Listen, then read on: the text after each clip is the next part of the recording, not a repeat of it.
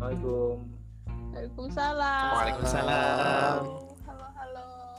Halo. Halo, moderator. Selamat malam. Gimana nih kabar kalian nih? Malam. Malam, alhamdulillah baik. banget Untuk apa? eh, hari ini kita kedatangan narasumber yang kece, badai. Uhu. Uh, keren. Siapa tuh? Selamat datang untuk Mas Irfan dan untuk Putra. halo Halo, Hai, Mas Irfan. Irfan. Hai. Boleh nih kalau eh, mau kenal dulu gitu.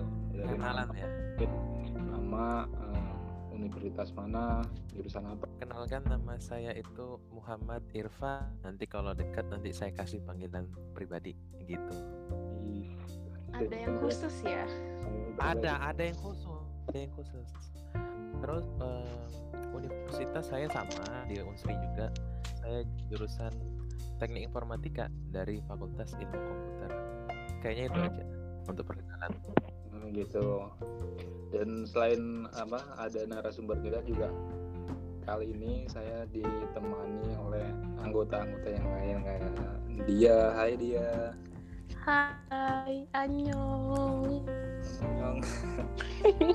halo Padli Halo, Mas Abdi. iya Aduh, langsung ya menggelegar. ada suka dengan semangat Mas Padli ini Kita harus semangat. Setiap hari harus semangat.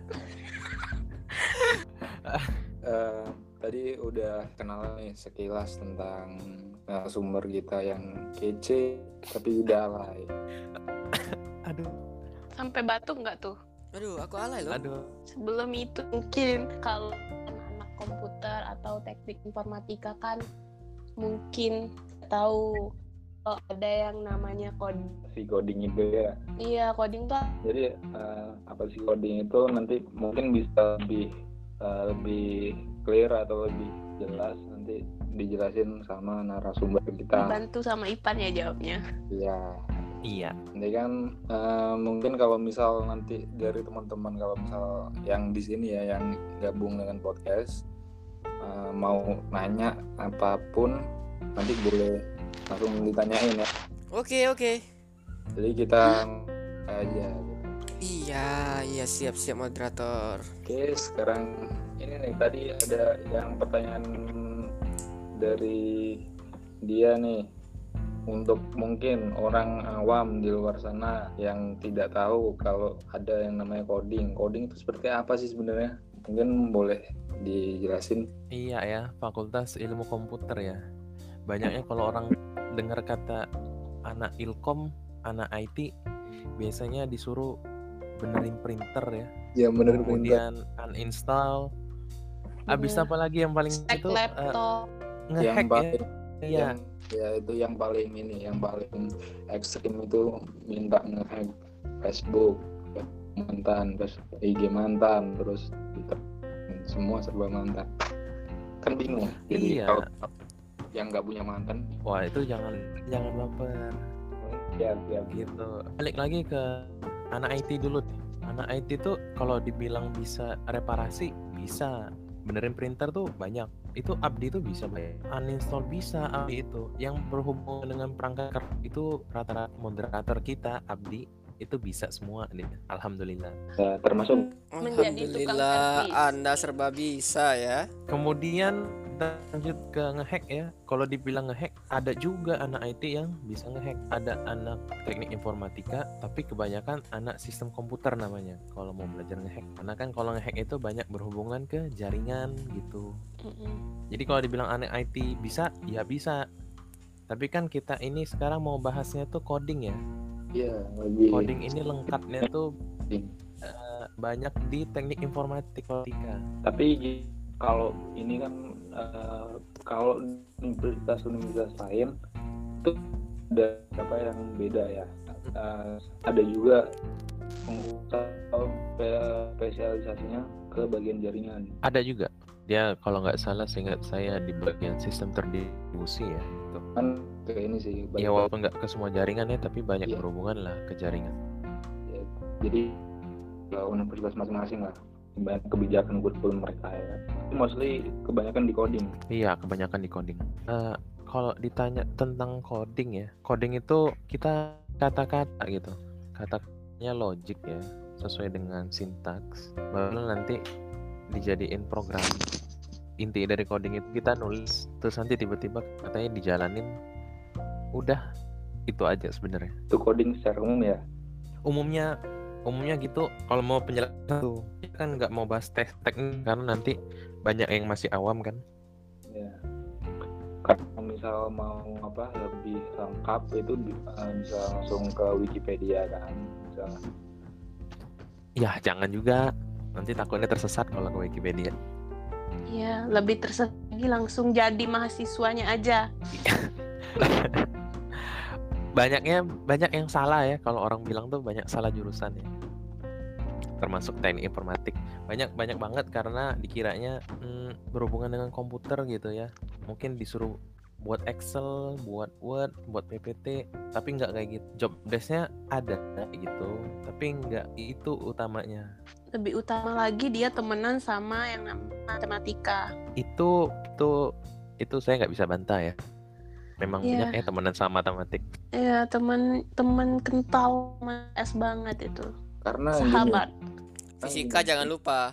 ya karena kebanyakan gini ketika ke lulus SMA mau lulus SMA kenapa orang cenderung ke komputer itu kan kadang mau menghindarin yang matematik kan eh tapi Iya, mau melarikan diri. malah, eh tapi malah ketemu dengan matematik Salah, Anda salah. Terjebak. Nah untuk tapi nggak salah banget ya nggak salah banget. Kalau dibilang ah bang saya nggak bisa matematik. Ya udah nggak masalah masuk juga nggak masalah kok. Palingan nanti nilai matematik kalian jelek tapi kan matematiknya doang yang jelek. Komputernya aman gitu. Oh, Ya, untuk apa? aman. Eh, Mas Irfan sendiri itu gimana? Kemarin ada nggak perasaan kayak gitu? Kayak misal apa? Aduh. Waduh eh, aku waktu SMA nggak suka nih matematik. Tapi ketika kuliah di Aduh. jurusan gitu aku gimana. Eh, saya jujur ya saya namanya Atan. Dan dan ada namanya Rahma Anda kawan-kawan yang lain seperti ah Anda ada lagi kayak yang pintar namanya Dela. Seingat saya tapi nggak terlalu menonjol ya. Yang sering dipanggil itu Devi dan Nur Hikmah. Dua orang itu dosen aja diajak debat ya untuk matematik. Saya heran juga dengan mereka. Saking suka saking sukanya ya. Tapi akhirnya Devi pindah ke eh, kedokteran saya juga bingung. Padahal dia suka banget dengan matematik tapi pindah ke kedokteran yang minim banget matematikanya. Jadi kalau ditanya ngoding aduh susah ini tentang matematik. Ya enggak. Karena kalian hanya butuh tahu aja rumusnya. Nanti kan yang ngerjain kan komputer. Gitu jadi nggak insya Allah nggak susah kok. Oke jadi eh, waktu itu nggak ada ini ya nggak ada masalah ya tentang kayak gitu di yang dialami oleh Mas Irfan ya? Enggak. Nggak ada masalah ya? Saya masalahnya ya itu ngerasa kok kayak bodoh banget ya belajar kalkulus nih. Coba deh tanya sama moderator kita nih Abdi atau kepada Iya. Mas Fadli gimana rasanya ngerjain kalkulus sempat SKS itu? Ah, pusing. Dosennya aman. Aman ngasih tugasnya mudah. Tugasnya mirip eh ujiannya mirip pula dengan tugas itu. Tapi udah mirip eh masih nggak bisa Ya, kurang lebih gitu lah. Karena dosennya waktu dosennya memang benar-benar bisa dikatakan baik udah baik lah udah ini. Dan juga asik orangnya ya kan? Asik Udah banget. baik kitanya aja yang kurang. Tapi gimana kalau misalnya kan emang dasarnya nggak suka matematika ya tetap aja jadi nggak bisa jawab pertanyaan-pertanyaan eh soal-soal yang ada di yang di dikasih oleh ibu itu. Berarti kalau nggak bisa, ya kira-kira bakal lulus nggak ya? Iya bisa lulus. Nah jadi kalau ada yang nanya kayak gitu, ditanya, "E, saya nggak bisa matematik tapi bisa nggak lulus bisa banget. Jadi nggak santai aja. ya jadi kalau untuk berkuliah sih beda lah ya dengan SMA ya nggak nggak semua berpatok di apa nilai ujian ini ini ujian UTS UAS segala macam mungkin ada nanti nilai lagi yang kayak misal etika segala macam itu bakal juga jadi penilaian ya Iya, karena yang penting kan skripsi ya. Kalau nilai itu kan yang pentingnya nanti di IPK aja. Kalau nilai, tapi kalau kelulusan kan yang penting skripsi. ya Kalau kalian mau nilainya bagus, em, bisa aja sih. Kalian ngakalinnya ya kalau lagi mau ujian baru serius, bisa sistem SKS kan sistem kebut sejam gitu. bukan semalam lagi ya sejam ya Enggak, enggak, iya enggak, enggak semalam lagi. Kalau semalam dibawa tidur biasanya lupa. Tapi kalau sejam biasanya kan ada namanya tuh short term memory kalau di bahasa komputer tuh. Jadi bisa hafal sekilas. Ya, kira-kira nih kalau misal berarti kan em, secara secara teknis oke lah nggak ada masalah kan ya kalau misal ada orang yang nggak suka matematik tapi eh, masuk nih ke jurusan komputer gitu kan khususnya informatika berarti nggak ada masalah ya tentang itu nggak bisa Enggak, enggak ada masalah, enggak ada masalah. bukan jadi patokan lah tapi Iya, enggak. yang mau saya tanya lagi gimana kalau misal ini ada nggak eh, relate-nya gitu antara apa eh, kita bisa atau jago di matematik dengan coding ada nggak relate Hubungan ya. Ada nggak hubungannya kalau kita jago matematik, jago gue jago juga codingnya? Hmm, jawabannya enggak. Kenapa enggak?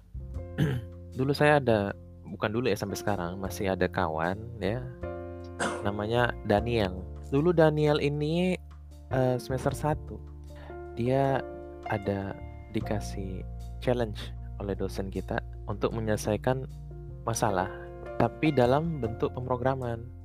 Dengan cepatnya dia tulis rumus matematiknya, tetapi sintaknya kurang tahu. Jadi zaman dulu belum tahu sintaknya, tapi matematiknya udah jago gitu. Jadi eh, nggak har- walaupun matematiknya jago, belum tentu codingnya jago. Ya walaupun nanti ujungnya Daniel itu pinter juga sih codingnya, Ya, itu tapi kan ya untuk mulainya ada mulai dari nol juga sih dia gitu.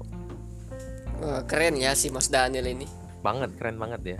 iya ya kalau masih awal-awal kan ya diwajarkan lah kan Iya, belum itu baru-baru karena karena dia udah ada basic matematikanya jadi mungkin lebih gampang untuk logika belajar codingnya masuk akal Hmm, bener juga. Tapi kalau gimana saya kalau lihat yang nggak bisa matematika gitu itu loh. yang baru saya mau bilang. Ada nama kawan saya itu Muhammad Abdi Priangga. waduh waduh seperti Beliau saya ini- kenal. Eh, saya kenal dekat. Tapi kalau saya pikir-pikir dia ini matematiknya biasa aja. Tapi kemampuan codingnya bagus. Jadi waktu Daniel dipanggil, dia udah udah siap itu. Dia tinggal nunggu rumus Daniel, kemudian dia buat sendiri itu bahasa pemrograman dia. Udah siap mau maju. Tapi dia nggak tahu rumus matematiknya. Jadi yang satu jago matematik tapi minim pemrograman, yang satu minim matematik tapi jago pemrogramannya. Itu di awal. Jadi masing-masing ada plus minus ya. iya keren sekali Iya kan? Sa- saling menutup Ya, sama. menutupi ku- kekurangan dan kelebihan nggak sem- semuanya kan sempurna gitu kan iya betul Jadi memang menarik banget ya kalau masuk di Ilkom ini. banyak orang-orang unik eh, banyak orang Iya. menemukan sesuatu yang baru a Apalagi- whole new world Gini, kalau tadi kan kita Selah. Eh, bicarain tentang eh nggak suka matematik gitu kan, nggak suka ini. Kalau ada orang bias eh, biasanya sih kebanyakan udah dikasih tahu nih, dikenalin coding itu kayak gini, sintaknya kayak gini gini gini. Tapi dia merasa ah, nggak nggak suka apa istilahnya tuh kok terlalu rumit banget ya gitu loh. Jadi ada mungkin itu nanti yang bisa apa eh, endingnya nanti timbul perasaan salah jurusan dan yang lain-lain gitu. Jadi untuk eh, pernah nggak Mas Irfan tuh merasa kayak gitu? M- eh, mungkin awalnya pas ngeliat sintak gitu, aduh males sih gitu, udah malas, ini. eh, udah udah apa, udah down duluan gitu. Kalau pernah pernah nggak kayak gitu atau Kalau mungkin ngelihat nanti bisa salah jurusan. sih bisa dibagiin tips atau gimana ya gitu untuk ngatasin hal-hal seperti itu. Aduh, saya ingat eh, saya waktu itu belajar pertama sih 2015 ya itu jadi sebelum kuliah saya memang udah ada lihat bahasa pemrograman itu namanya bahasanya Python dulu Oh, berarti udah ada basic ya Nah, tapi ada tapinya. Karena dulu belajarnya cukup untuk tahu, jadi saya nggak pikirin yang namanya sintaknya gini, oh logiknya gini. Ya udah, akhirnya begitu masuk kuliah nggak ada pahamnya. Eh, tapi masuk kuliah belajarnya bahasa C. Kok aneh, aneh. Jadi saya lihatnya kok aneh ya kayak gini. Gitu. Saya kira semuanya oh sama sama mudah gini, mudah dibaca. Tapi pas masuk kok bahasa C ya aneh gitu. Jadi ada pusingnya juga saya tapi ngerasain eh, ngerasain juga berarti ya pusing-pusingnya ngerasain juga pusingnya ngelihat itu kok bahasanya asing banget ya terus sekarang bisa dikatakan apa ya? Suka ya? Ah, waduh belum. Belum. Kalau dibilang suka enggak juga. Tapi Mungkin- gini ya. Nah, gimana? Tips ya tips ya. Ya, tipsnya gini eh, dari empat tahun selama empat tahun belajar ini ya ternyata sama aja logiknya. Kalian misalnya pakai bahasa Python kemudian lanjut pakai bahasa PHP lanjut pakai bahasa C C++ Java itu ternyata sama aja jadi kalau pakai if perkondisian kayak gini pakai looping untuk perulangan kayak gini ternyata sama aja jadi yang pentingnya tuh bukan bahasa yang kalian paham, tapi paham nggak logiknya, gitu. berarti lebih ke logik kan ya Iya, berarti kalau diomongin lebih ke konsep ya, lebih ke bukan ke konsep lebih teknisnya. Yes. Berarti kan itu em, kalau ada orang ini yang susah nih untuk memahami logik gitu loh. Itu gimana itu? Ada mungkin Mas Irfan dulu pernah ngalamin susah memahami logik atau Susah gimana? banget, banget, bangetnya tuh gini ya. Karena namanya nanti ada logika informatik. Di situ baru kalian belajar konsep. Jadi di semester 3 kalau saya Tiga ya. itu belajar namanya logika informatika. Tapi sebelum semester 3 gimana dong? Di semester 1 diajarin, tapi konsepnya konsep pemrograman, bukan konsepnya konsep gitu nah. Konsep secara abstrak ya, tulisan bukan gitu. Langsung ke apa? Eh, kalau nyebutnya mungkin pseudocode ya. Ah iya, kita tuh pseudocode-nya. Tapi kalau dari logiknya sendiri di dalam itu ada namanya struktur diskrit ya. Baru nanti di dalam struktur diskrit ada logika informatik. Gak apa-apa kok, nggak nggak nggak susah kok. Insya Allah nggak susah. Gitu. Iya. Sebenarnya nggak ada yang susah sebenarnya kalau kita mau belajar ya. Kalau kita mau niat ya. Wah. Cuman In- Ini kata-kata kata-kata bijak ini. Wes, Iya, bijak gua- sekali nih. cuman apa kadang itu kan rasa malas itu selalu menang gitu Ini ini ini ngomong dari pengalaman pribadi ya. iya pastilah nggak kita nggak munafik kita nggak mau ngejat siapa siapa kita ngejat diri sendiri saja gitu Oh gitu. ya kan Males ya. ya malas gitu terus kadang ya itu tadi apa ya susah kadang untuk menemukan gairahnya kembali gitu Iya, tapi kalau susah itu bisa sih dibuat enjoy, bisa. Pertama tuh gini, kalau informatik itu yang pertama paling enak itu adalah kalau dapat uang tuh yang pertama. Dapat uangnya gimana nih Kenapa? maksudnya nih? Jadi gini dapat uangnya, pemrograman itu mirip kayak kalian eh, gambar, nggak ada nilainya, bergantung ke orang yang butuh. Jadi nilainya tuh nggak pasti patok harga. Kita buat program matok harga 2 juta, enggak. Kadang ada orang yang butuh cepet, butuhnya banget, nanti dikasih uangnya banyak. Ada yang nggak butuh banget, dikasih uangnya dikit.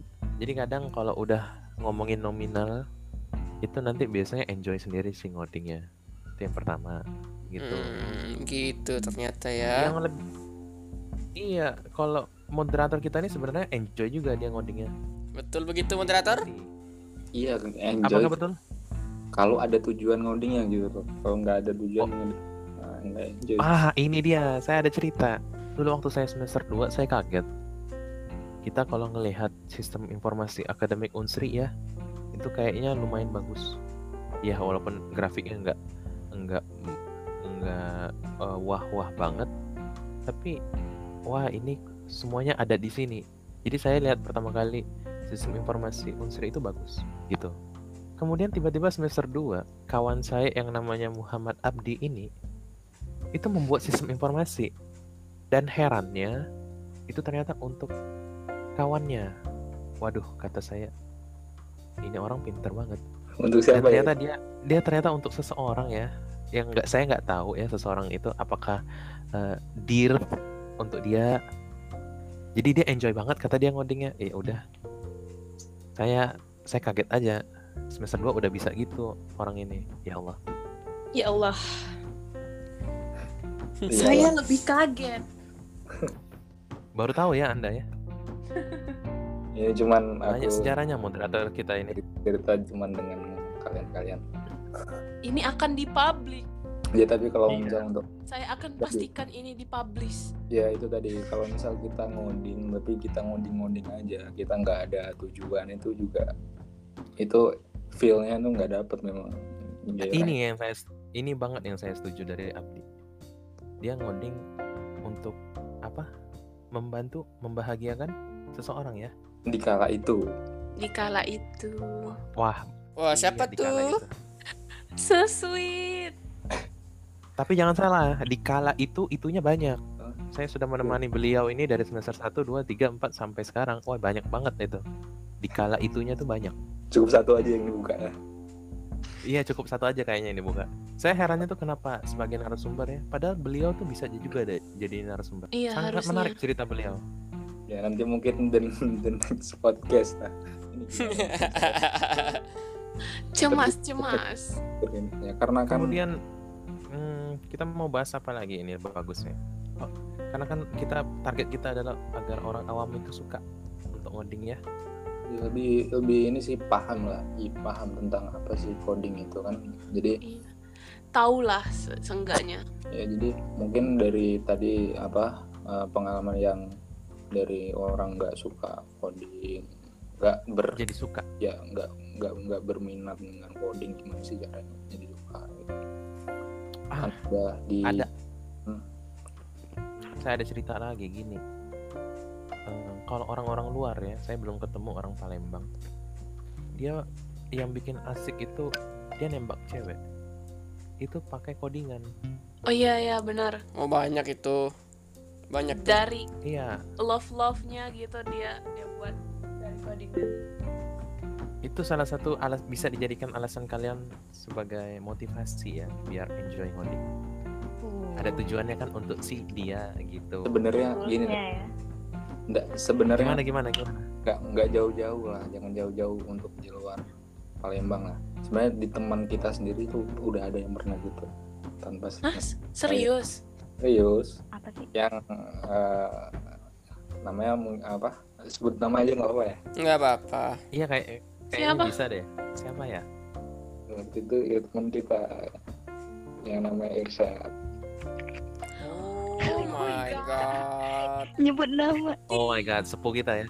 iya dia dia sebenarnya hari ini jadwalnya eh, kita ngundang dia juga cuman karena dia apa lagi berhalang hadir kan ada something jadi kita nggak bisa ngobrol bareng Iya. Iya. Harusnya tapi bisa kalau ya. eh, Hai Irsyad.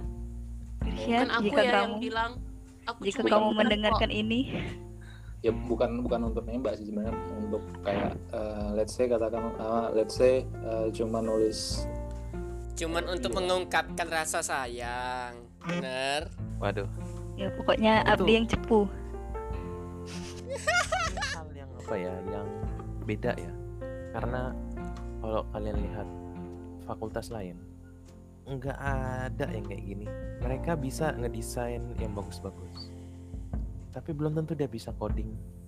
Yang bisa dilihat khusus di website bisa terlihat apa yang dibuatnya bentuknya khas dibanding yang lain. Kalau apa em, Mas Irfan sendiri ini eh, ada nggak tujuannya gitu? Misalnya tuh untuk belajar coding ini apa sih yang membuat membuat Mas Irfan tuh pengen langsung pengen terus belajar coding itu Yang pertama karena enak aja ya. Enaknya tuh kok orang ini susah tapi ternyata dia tuh keliru aja.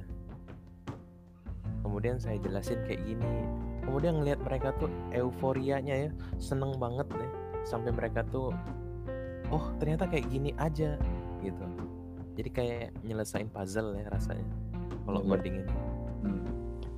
saya Itu enjoynya di situ itu cuman itu atau ada lagi gitu. S- selain itu sih saya lebih ke IT-nya ya misalnya kayak multimedia tapi kalau sebatas coding aja saya senangnya serasa puzzle. Ya berarti lebih konteksnya lebih ke membantu ya, membantu. Menyelesaikan ya menyelesaikan problem ya enak Oh, iya. itu kalau bantu kadang kan bantu tuh kan tergantung niat ya Iya. jadi nggak bisa dibilang bantu juga Jadi mungkin walaupun itu membantu mungkin diniati untuk uh, men-challenge diri untuk bisa nge-solve bisa jadi ya kan. Kita di ini siapa yang baru datang ini? ada yang siapa ya apakah itu suara Friska Ini tadi. Apa? Kita Kenapa, kenapa? Halo Priska, Halo, kangen ya? halo Friska biasa aja. iya Dari tadi banget. udah datang ini anak. Sorry, sorry. Jadi nah apa? ini Friska ya saya potong dulu Ya, ya. Friska ini udah bisa ngoding ya walaupun belum sampai kompleks bisa juga nari jadi kalau kalian lihat anak-anak nah IT itu bukan terbatas coding aja tapi banyak banyak talenta lain Iya bener kali. Jadi sebenarnya nggak harus ini sih apa eh, nggak harus melulu 24 jam stay di depan komputer dan coding bahas tentang coding terus kan. Masih bisa eh, beraktivitas lain gitu kan ya? Ya gitu. Jadi kalau coba bayangin kalau kita selalu di depan komputer 24 jam bahas tentang coding. Pasti juga muak juga sebenarnya. Jadi gini, ini kalian teman sharing ya. Eh, apa tuh? saya Boleh, boleh, boleh, boleh. dapat apa ya? Petua lah ya. Atau apa tuh? kata-kata bagus gitu. Iya gimana gimana? Untuk bisa apa? Coding itu sebenarnya nggak harus 24 jam atau eh, sehari eh, ya satu hari seharian full atau 12 jam gitu selama sehari gitu kan. Tapi cukup untuk sisain alokasikan waktu aja sehari sejam gitu. Terus hari berikutnya sejam lagi hari berikutnya sejam lagi secara kontinu lah ya. Secara secara ya, secara rutin.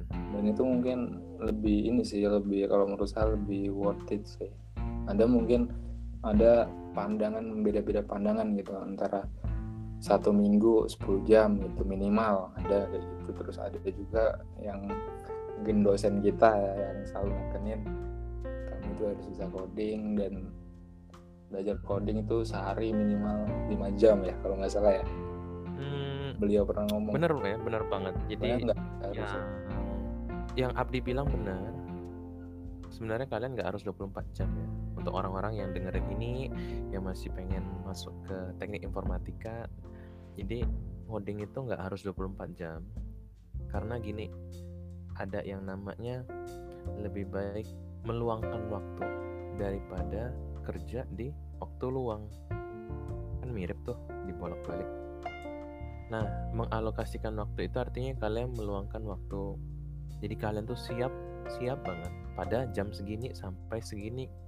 Dibandingin kalian eh, lagi kerja karena waktunya kosong. Aduh, kebetulan kosong nih. Ya udah kita belajar.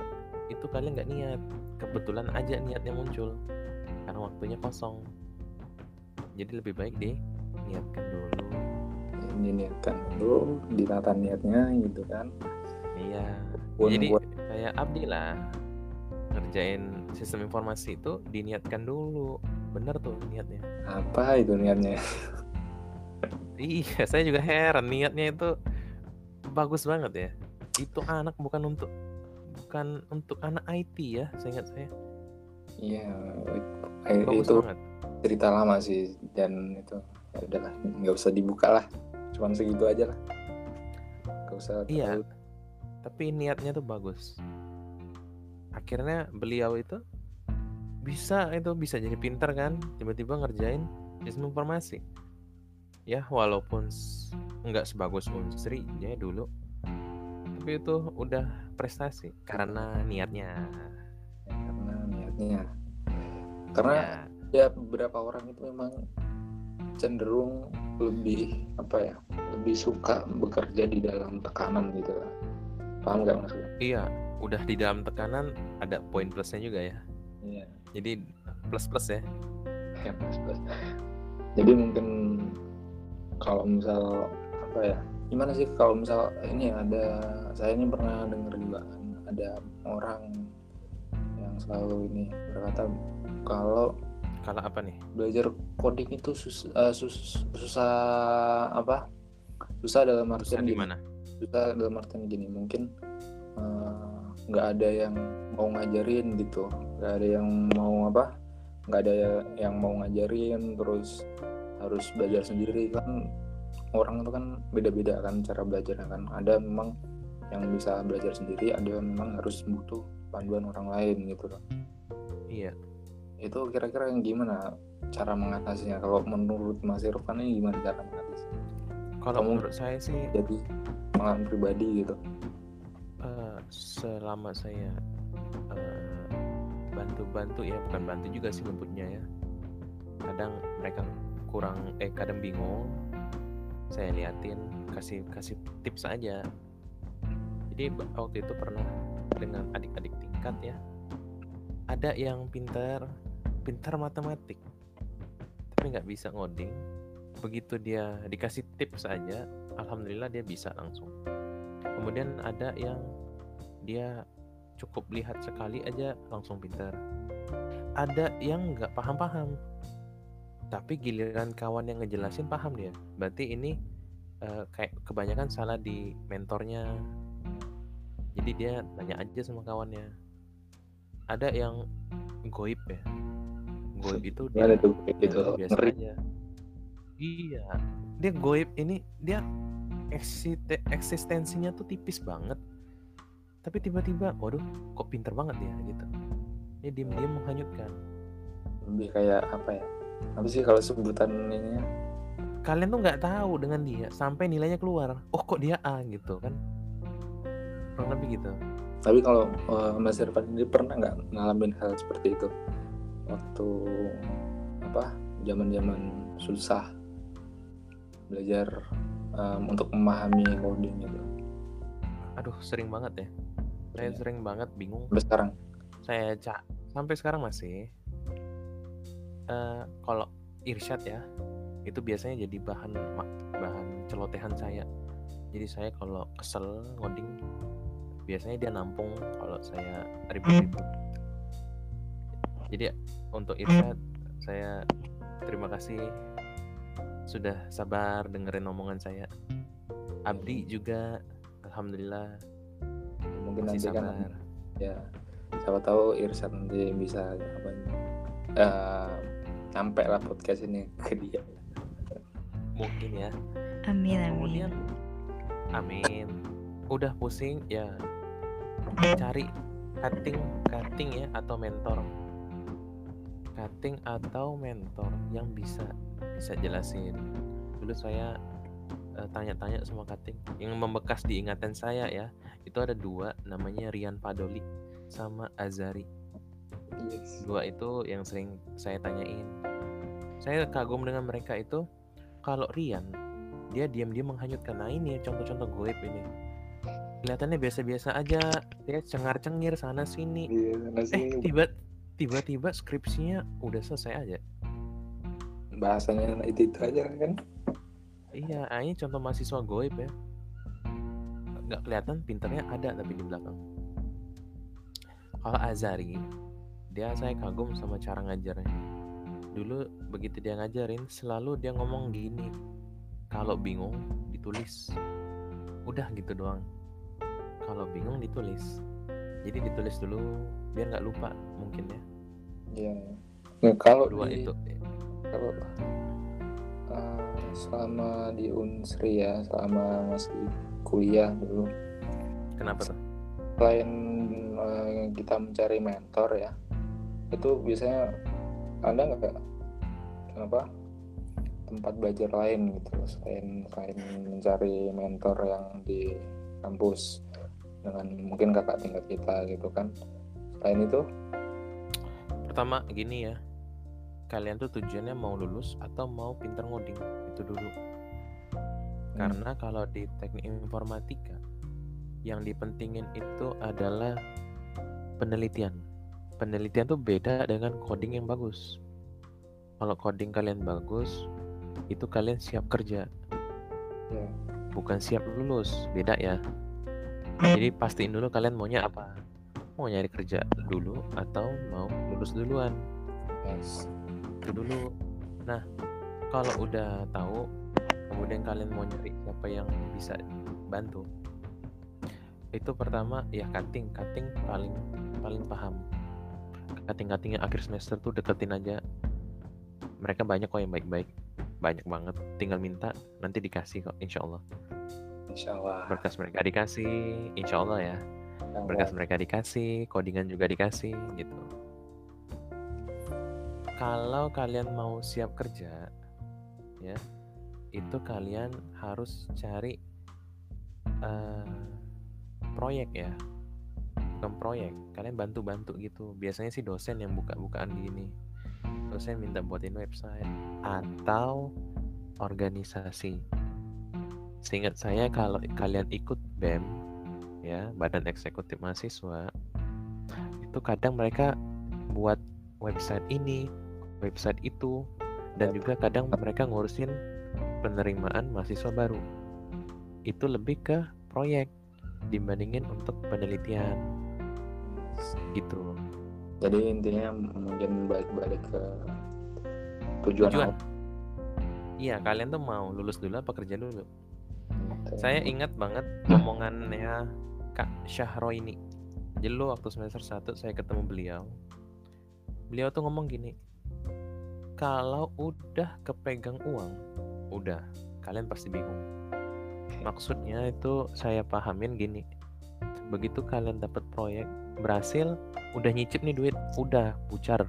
Kalian kayak males mau belajar. Ngapain aku belajar? Duit aja banyak. Mikirnya banyaknya gitu. Ya memang itulah godaan terbesar itu selain godaan terbesar memang uang itu. Iya. Pertama ya boleh-boleh aja sih, apalagi kalau kalian kekurangan uang ya, ya boleh aja ngambil proyek. Tapi ya kalau kalian terhambat kuliah, ya itu itu Mending stop dulu resikonya. Sebenarnya nggak masalah sih kalau nggak stop nggak stop ya nggak masalah juga. Tapi tahu aja kalau itu resikonya.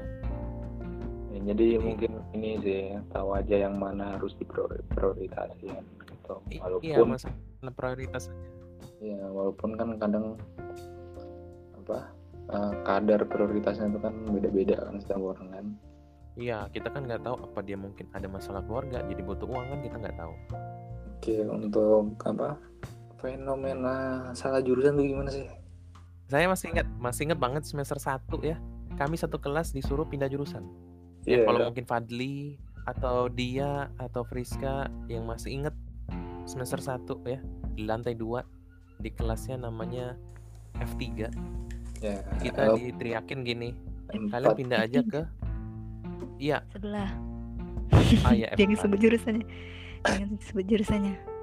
Yang mana nih, yang mana? jurusan kan kita Sebelah. udah jelas ya teknik informatika. Udah jelas. Hmm, iya. Kita jangan jangan sebut merek aja. Iya jangan sebut Kita merek. Pokoknya ke sebelah ke sebelah Hmm, kita dibilang gini. Kalian itu pindah aja. Pindah tuh ke jurusan sebelah. Sebelah. Sebelah. Sebelah. Ini sebelahnya tuh eh maksudnya yang yang nggak ada hubungannya banget dengan coding iya benar jauh banget tuh kalau kalian masuk kalau kalian masuk situ kalian nggak usah ngoding kita Oh, pernah saya gitu tahu. sama langsung kan tahu kan ya bukannya pindah jurusan namanya. Pindah fakultas. oh bener Benar kan? pindah bener, fakultas ya udah ya bener bener Iya, udah bener pindah fakultas bener. Pindah fakultas namanya. ya, tapi jurusan pindah juga kan ya kalau udah pindah fakultas pasti Jadi, jurusan lah mas. kesannya di Iya benar. Lebih tepatnya fakultas. tapi dibilang salah enggak salah dosen itu. Karena memang nggak ada yang paham kan waktu itu. Ya. Satu pun Iya. nggak ada yang paham. Wajar aja kalau dosennya bilang kayak gitu. Kenapa wajar sih? Karena ini eh, semester 1 ya. Dulu yang kita suruh buat yang dosen itu suruh buat adalah fungsi komposisi ya kalau kalian tahu anak-anak SMA FOG itu fungsi komposisi. Nah disuruh coding itu.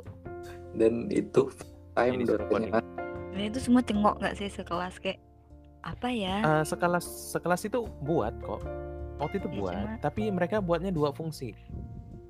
Fungsi Mm-mm. F fungsi G dibuat dua. Yang benar itu buatnya fungsi FOG langsung gitu yang benar.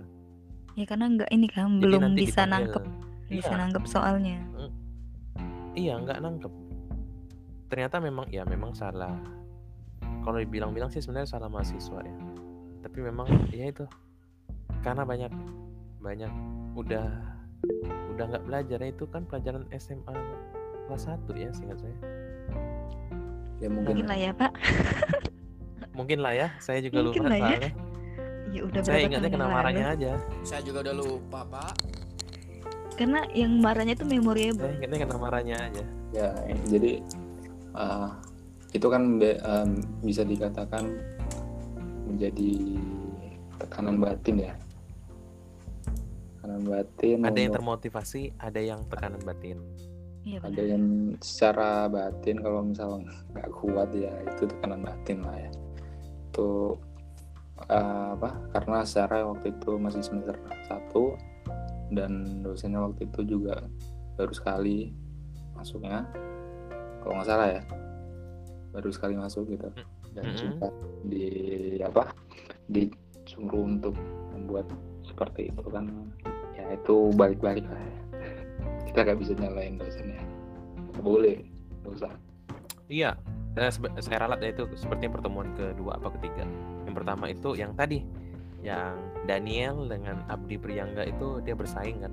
Yang satu pintar matematik, yang satu pintar coding itu yang pertemuan pertama. oh, ya, berarti per kedua ya. Sepertinya antara kedua atau ketiga. Tapi Nah.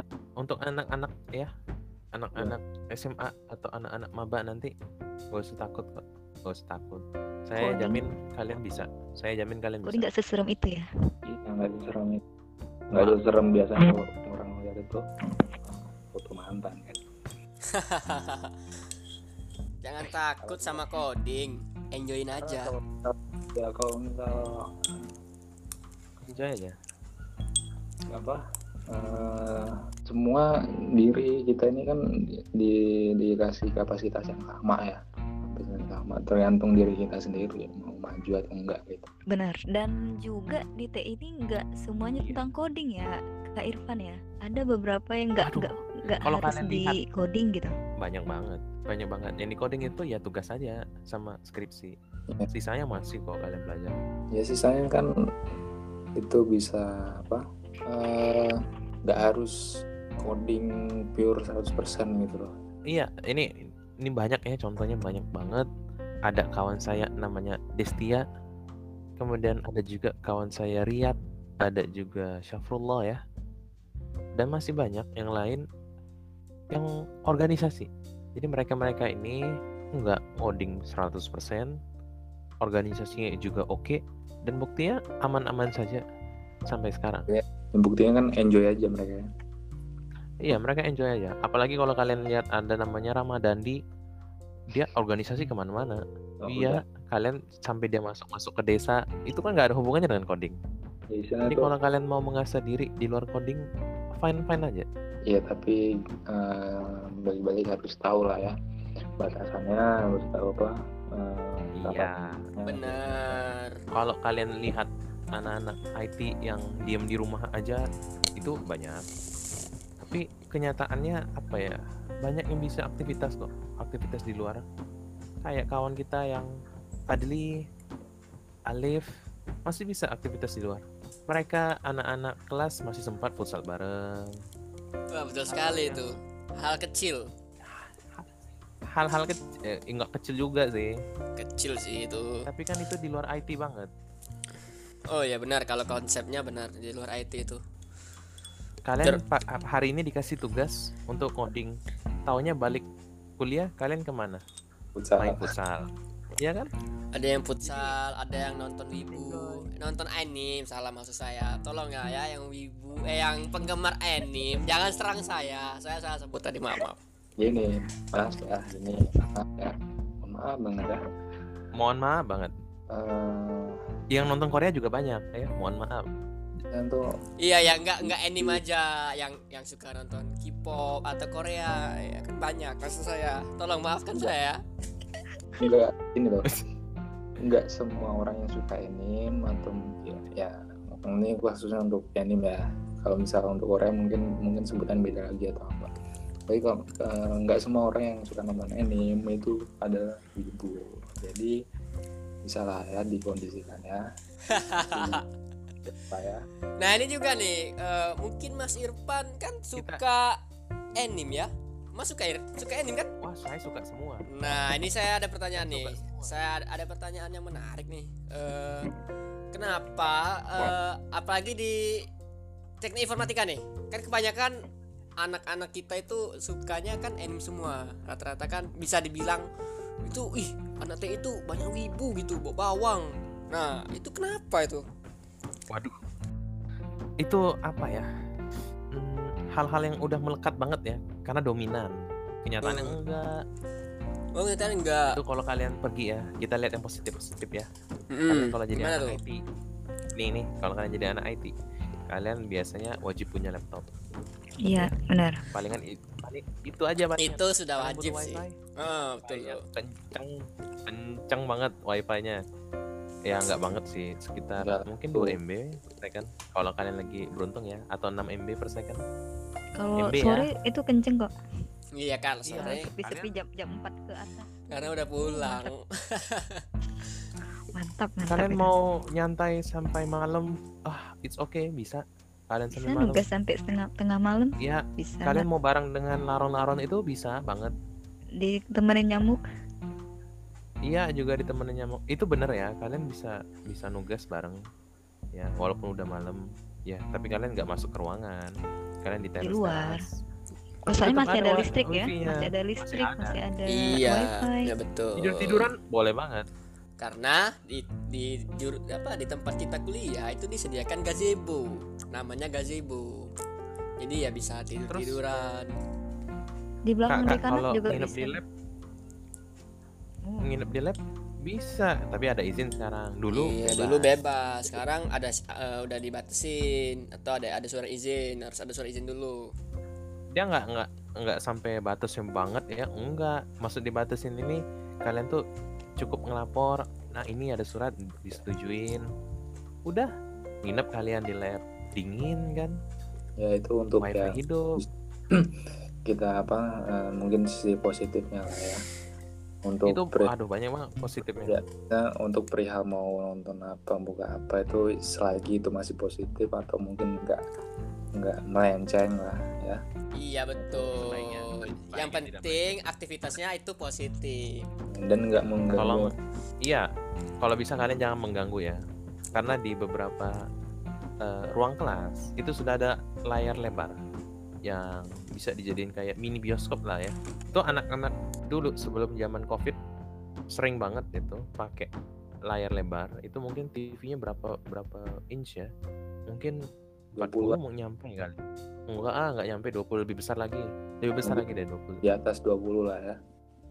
Iya, itu sekitar ya besar banget ya di atas 1920 lah. Kan P kan eh 1080p di atas itu. Jadi kalian ya mini bioskop, kalian bisa nobar bareng di sana. Selama jam kuliah ya, tapi itu Dan- salah satu enaknya. selama nggak belajar juga sih ke jam pelajaran Iya.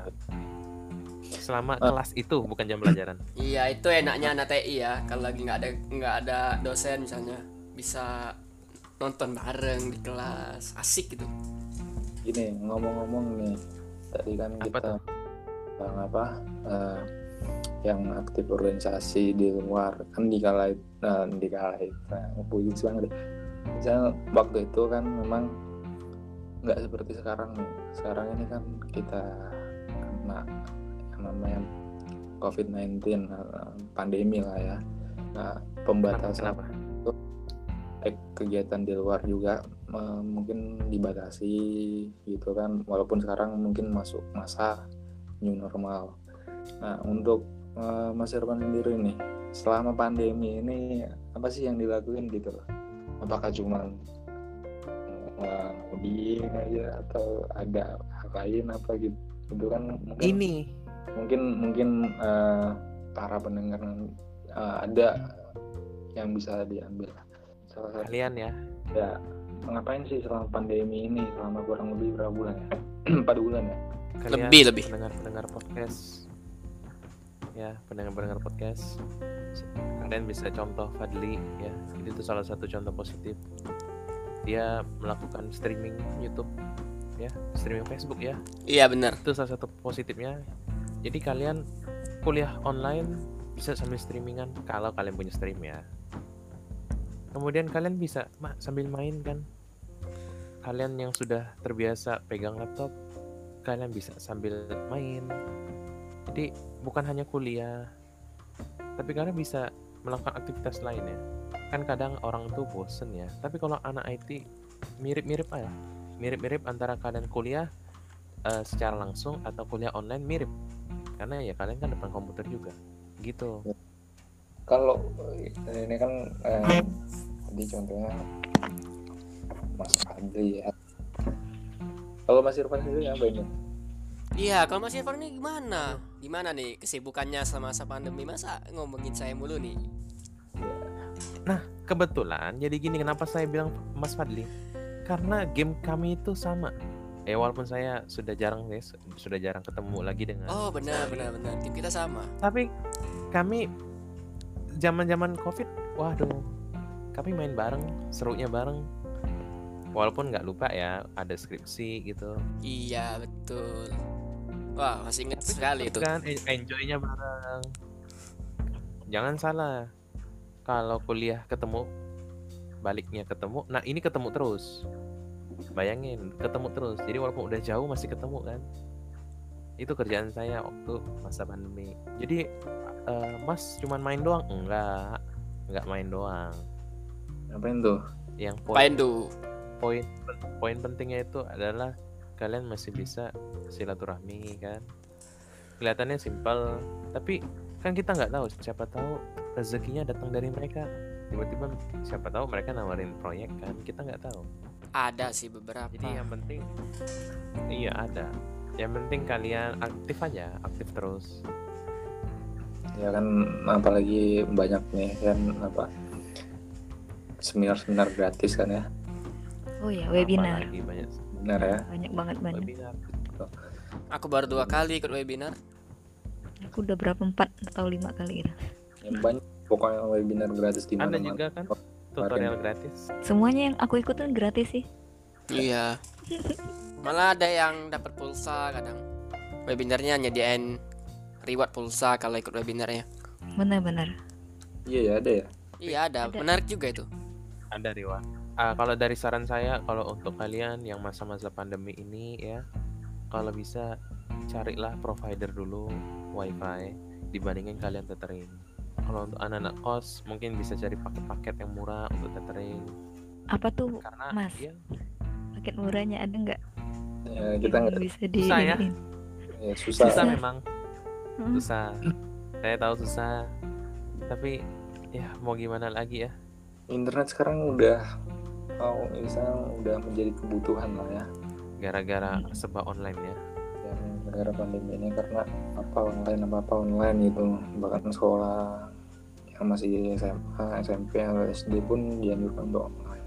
Makanya untuk apa eh, eh, paling enggak ya kalau saya sih saranin kalian ikut aja. Masuk aja ke sini ke IT enak kok. Bagus sekali mas marketingnya ini. Karena gini, ini ya? Eh. kita kan udah ngomong dari dari Eh, awal kita jelasin coding kan kita jelasin gimana sih belajarnya gimana sulitnya gimana sih bikin enjoy apa suka duka sebagai programmer. Nah itu suka nah kalau kalian udah tahu ya Apa suka suka dukanya dukanya? apa ya nih programmer ini? Menurut Mas Irfan nih, suka dukanya gimana? programmer programmer ya.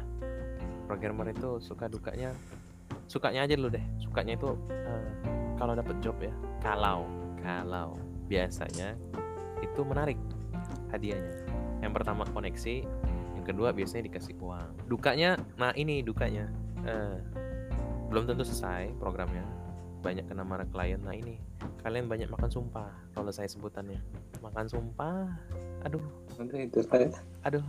Aduh sakit dede Udah Iya. kurang tidur.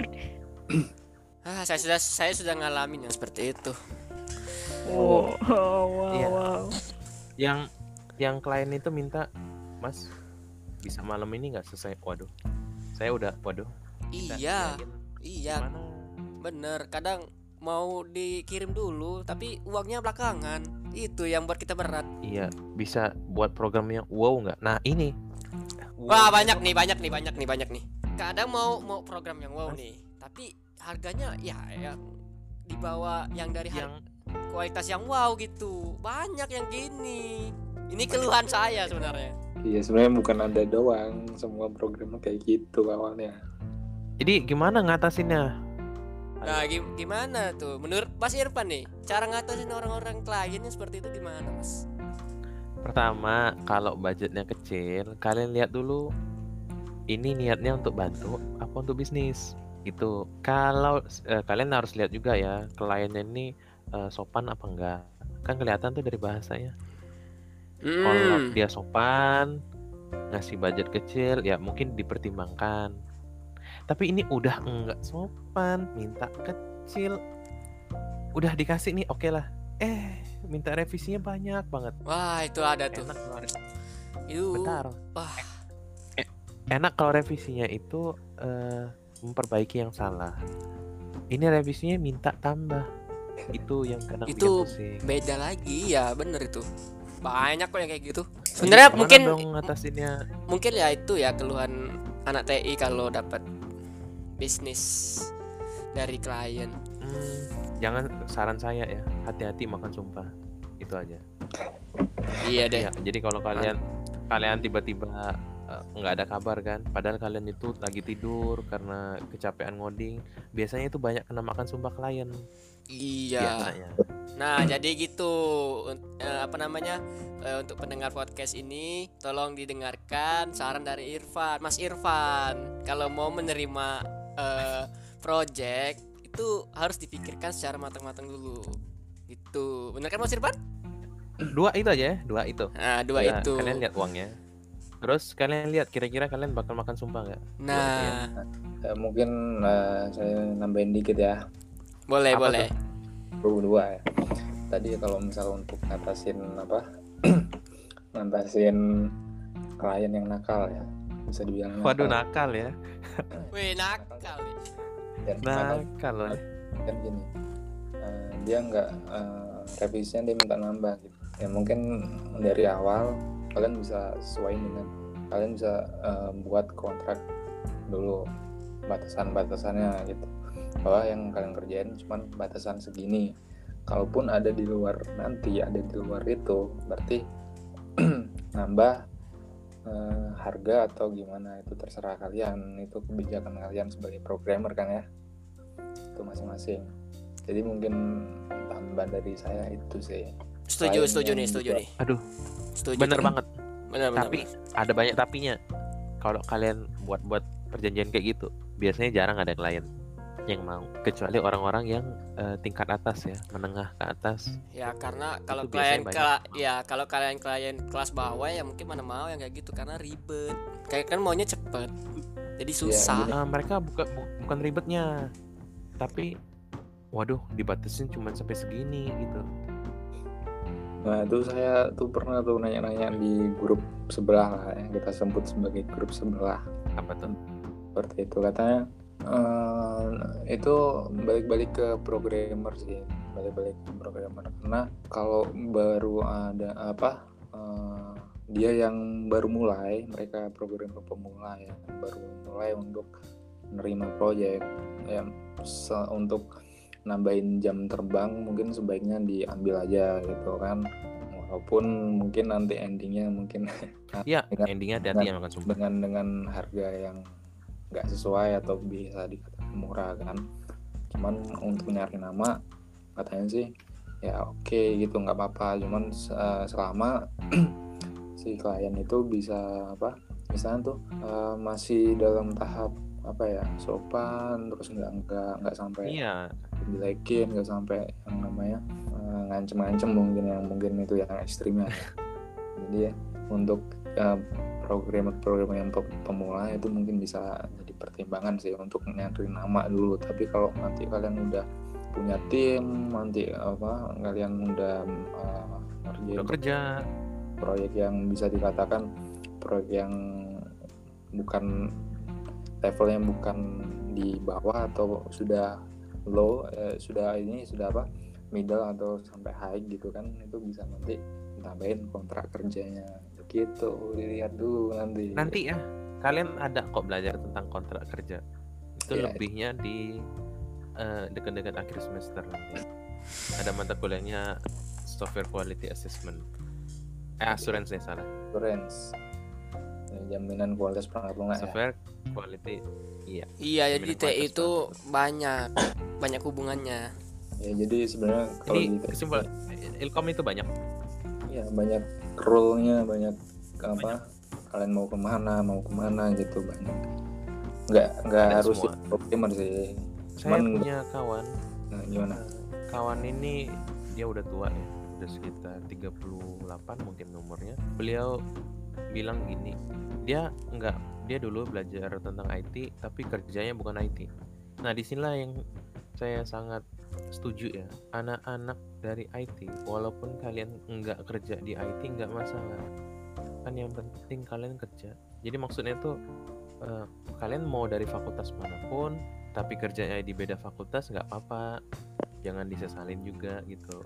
Jadi anak-anak IT yang udah lulus apa belum lulus yang merasa salah jurusan atau yang merasa pas dengan jurusannya ya, kalian mau ke IT atau enggak nggak masalah gitu. Karena IT ini ya kata dia kata dosen dia lebih tepatnya itu bergantung kepada subjek yang lain dia nggak bisa berdiri sendiri kata dosennya. Kalian mau belajar tentang apa? Tentang kalian kalau tahu eh, USG ya? Kayak Hmm. untuk ngeliat bayi tuh? Ya ya itu kan ada algoritmanya. Ada komputernya komputer science kalian harus belajar biologi dulu belajar citra dulu. Banyak ya ternyata ya. nggak nggak tok nggak tok komputer gitu. Iya, jadi istilahnya tuh kalian mau ke mana? Eh, gitu harus ada subjek pendukungnya lah untuk mengimplementasikan ilmu komputer. kalian mau ke mana? Ke pabrik? Ada pabrik kan? Robot-robot itu ada komputernya. Kalian mau ke mana aja? Ada. Lalu lintas tuh itu kan ada algoritma juga tuh lampu merahnya. Ada semua jadi kalian ke mana aja sekarang udah ada. Ada hubungannya semua dengan komputer. Ya, seperti itu.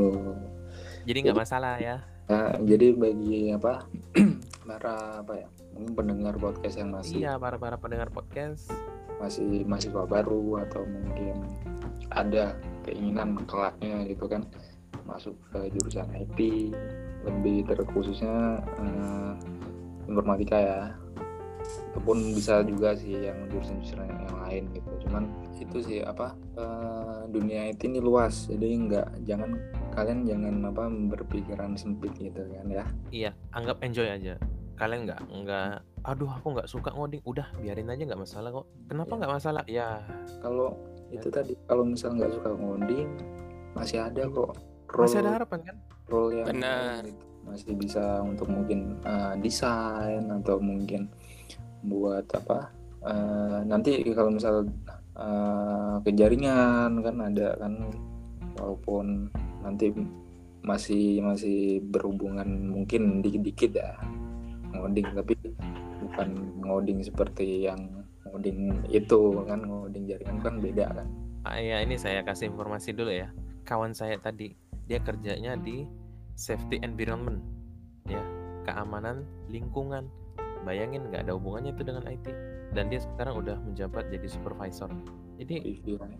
Sukses dia, ya dia sukses tuh. Tapi bukan IT, dia hanya lulusan IT.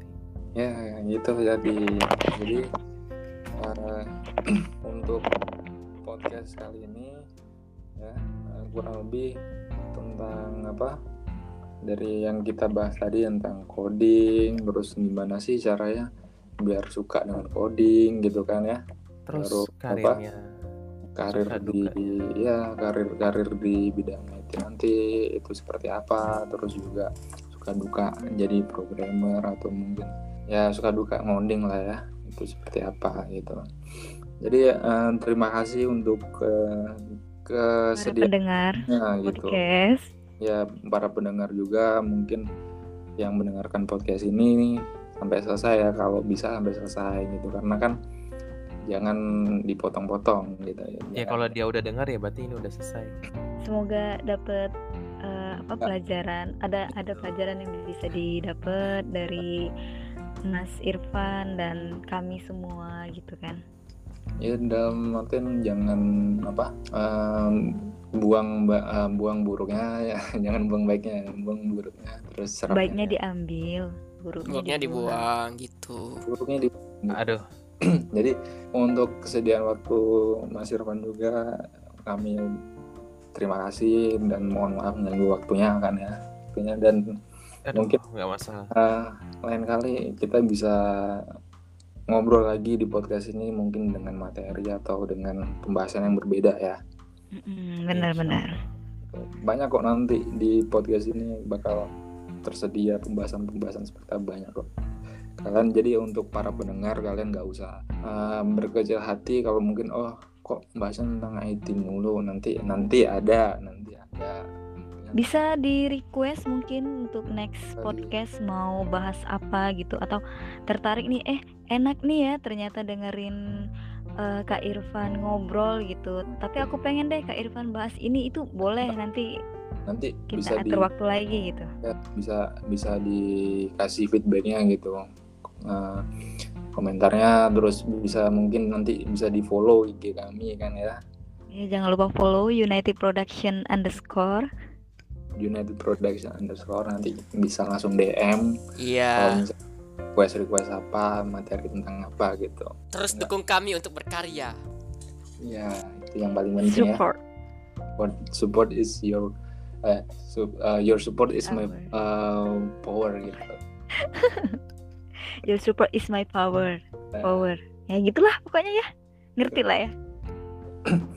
dan untuk uh, yang hadir di podcast kali ini juga terima kasih atas kesediaan waktunya Sama-sama. Sama-sama. jangan jangan jangan lupa uh, ini bukan pertemuan terakhir kita lah ya kita masih panjang lah masih bisa bersilaturahmi lagi mungkin kelak bisa um, mungkin nanti podcast yang apa ya bisa nggak kira-kira ini podcast nanti yang kayak kayak kita langsung ada videonya gitu kan ketemu kan Oh, ya tatap muka langsung gitu Iya. atau gimana? lebih ke tatap muka lah mungkin mungkin itu the next lah ya. Jadi mungkin bisa dipikirin lagi Iya. Eh, terima kasih untuk para pendengar para apa eh, yang join podcast juga dan juga terkhususnya untuk narasumber terima kasih sudah menyediakan waktu untuk hadir dan berbagi ilmu sharing gitu jangan bosan-bosan loh ya datang kalau diundang ke podcast ini harus datang loh Iya, karena materi-materi dari kita ini itu eh, menarik, selalu menarik. Insya Allah. Insya Allah yes. Oke, eh, itu saya itu saja dari saya eh, Abdi sebagai moderator dan yang eh, Mas Irfan sebagai narasumber dan yang lain juga sebagai tamu juga lah ya. Saya katakan tamu juga gitu. Tetap berkarya, tetap lakukan hal yang positif dan selalu bahagia jangan lupa. Wow. See you in the next post. Wow. pod- Oke, Mas Abdi. Mungkin segitu dulu kali ya podcast kita malam ini. Eh, malam ini. Podcast kita kali ini. Terima kasih untuk para pendengar. Terima kasih juga kepada Mas Irfan sebagai narasumber. See you next time. Assalamualaikum warahmatullahi wabarakatuh.